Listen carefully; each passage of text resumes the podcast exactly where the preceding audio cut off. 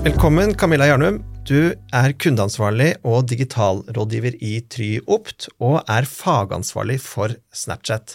Hva består den jobben i? Nei, altså, eh, Oppgaven til en fagansvarlig det er jo rett og slett å være et bindeledd mellom media og byrået. Eh, så det jeg gjør, er jo at jeg sørger for at eh, Tryhuset og kollegaene mine er oppdaterte på de siste oppdateringene og mulighetene på kanalen, og ikke minst at man er eh, ansvarlig for å opprette en dialog der hvor det er nødvendig mellom medie og byrå. Da. Jeg har av og til inntrykk av at eh, alle i Norge, nesten uansett alder, bruker eh, Snapchat. Er det sånn at det er et veldig stort medium i Norge? Ja, det er det faktisk. Det er jo eh, veldig mange som tror at Snapchat bare er for eh, kidsa, men det stemmer jo ikke. Eh, det er det andre største sosiale mediet i, i Norge. Og det, de har en bred dekning på tvers av alle aldersgrupper, egentlig. Så, så hvis du ønsker dekning, så er Snapchat definitivt en god kanal. Og så er jo det en kanal hvor du egentlig kan gjøre ganske mye gøyalt, morsomt visualiseringer.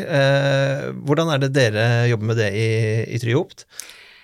Vi jobber med det på mange måter, egentlig. Eh, vi er jo, altså Som, som holdt jeg på å si, medierådgivere og digitale rådgivere, så jobber vi jo med å utnytte eh, mulighetsrommet på kanalen så mye som mulig. Eh, og det innebærer jo også å eh, og jobbe med f.eks. da AR, som er veldig stort på Snapchat. Snapchat omtaler seg jo først og fremst som et kameraselskap, eh, ikke nødvendigvis et, et, sosialt medium. Så AR er jo en, en, stor del av tilstedeværelsen på Snapchat. Og eksempler på AR, altså, da tenker jeg på jeg tenker da på filter og de, den type ting, men det er ja. vel noe mer avansert enn det, tror jeg? Ja, altså det er jo ut, i utgangspunktet primært da snakk om det som de kaller for linser, eh, AR-linser eh, som er et tilgjengelig hva skal jeg kalle det for, altså et annonseprodukt da, på Snapchat. Eh, og vi i Try jo, er jo faktisk eneste nordiske linsepartner med Snapchat, som betyr at vi eh, produserer AR-linser for Snapchat, både for eh, kunder på huset, men også eh, helt uavhengige kunder som ikke er, eh, som ikke er en del av Tryhuset. da.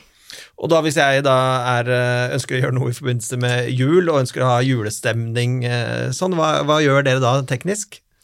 Nei, altså Rent teknisk så er det jo vi som utvikler, men det som er fordelen med, med å jobbe på Tryhuset, er jo at vi kan trekke inn eh, de kreative hodene vi har også, for å tenke ut morsomme og kule løsninger. Og så er det jo, det er jo nærliggende å tenke at Snapchat-linsene er, er, er eh, nisseluer og, og påskehareører og disse tingene, og det er jo selvfølgelig det også. Men det er et enormt mulighetsrom som ligger i AR-universet på, på, Snapchat. Både liksom innenfor kanalen og hvordan man kan gjøre det, gjøre det interaktivt og spennende og skape en, en god interaksjon mellom merkevare og forbruker. Eh, men også et stort mulighetsrom i å skape synergier på tvers av flater og overføre eh, AR-universet over til andre flater også. Men hvordan er det, hvordan, hva vet man om medievanene rundt Snapchat? Vi har jo noen uh, undersøkelser som Ung-rapporten osv. Hva er det som kjennetegner Snapchat-bruken og Snapchat-brukere? Altså Hvis vi ser på, ser på, de unge spesifikt, da, så sa jeg jo tidligere at Snapchat er ikke bare for kidsa, og det stemmer, men det er en veldig veldig viktig kanal for de unge. Eh, og i hvert fall i det som står i den oppdaterte ungerapporten nå, så er jo Snapchat den kanalen som eh, de unge åpner først når de våkner om morgenen. Det er den første kanalen de sjekker. Eh, de sjekker om de har fått noen meldinger fra, fra vennene sine, svarer på de, hopper over på en annen kanal, kommer tilbake til Snapchat igjen for å se om de har fått noe svar. Eh, og det, de, det, som også er litt eh, interessant med Snapchat, som kanskje skiller de fra de andre sosiale mediekanalene, er jo at eh, de unge oppgir at de eh, føler ikke noe dårlig samvittighet for å være på Snapchat som det de gjør på de andre kanalene, fordi de bruker kanalen primært til kommunikasjon.